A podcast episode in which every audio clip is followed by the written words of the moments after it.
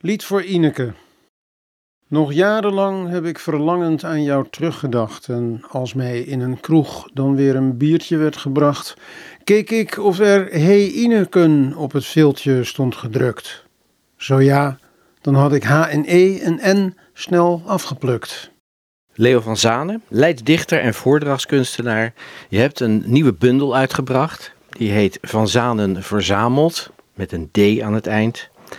Uh, je bent nog jong, je bent uh, nog steeds actief. Volgens mij uh, komen er nog een heleboel mooie gedichten.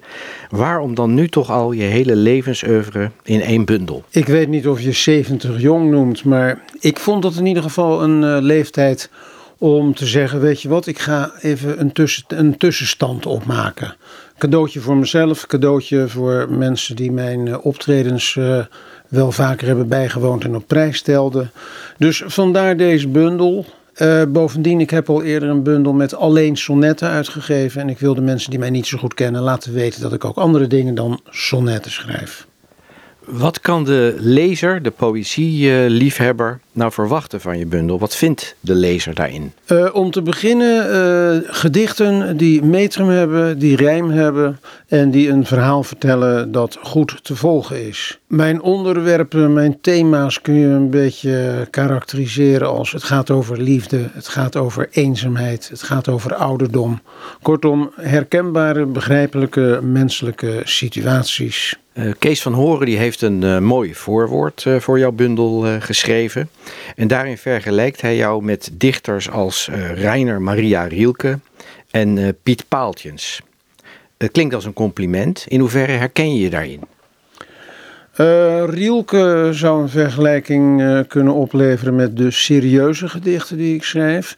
Paaltjes, daar voel ik me natuurlijk ook erg gevleid door. Dat is de bekende dichter van de uh, leuke lopende ballades en verhalen uit de studentenwereld van Leiden, waar ik natuurlijk zelf ook deel van heb uitgemaakt. Um, je staat erom bekend dat je technisch een sterk dichter bent. Hè? Je schrijft sonnetten, ballades, uh, olleke bollekes, limericks. Het zit altijd metrisch en qua rijm uh, hartstikke goed in elkaar. Waarom hou jij zo graag vast aan zulke vaste dichtvormen en kies je niet eens voor rijmloze en metrumloze gedichten? Um, ik heb het wel eens geprobeerd, maar het valt me op dat als ik niet uh, dat, uh, die voorschriften te volgen heb, als de vrijheid te groot is, dat ik dan geen punt kan bereiken waarop ik zeg deze tekst is af. Ik kan er dan aan blijven schaven. Terwijl op een gegeven moment als aan het rijm en aan het metrum en aan de vereiste lengte voldaan is, dan kan ik zeggen: dit gedicht is af. In Leiden treed je ook vaak op met, uh, met Leidse gedichten die je dan uh, voordraagt. En een aantal gedichten met een Leids thema staan ook in deze bundel. Wat vind je van die Leidse gedichten zelf het sterkste gedicht? Ja, dat is moeilijk kiezen. Ik herinner me van heel lang geleden iemand die eens zei: Oma houdt van alle kleinkinderen evenveel.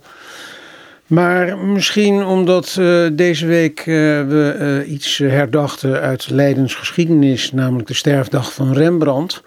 Ik geloof dat ik wel een aardig sonnet heb geschreven over diens dood, zoals vernomen door zijn jeugdvriend Jan Lievens. Zou je daar een strofe van willen voorlezen? Daar, dat eindigt als volgt.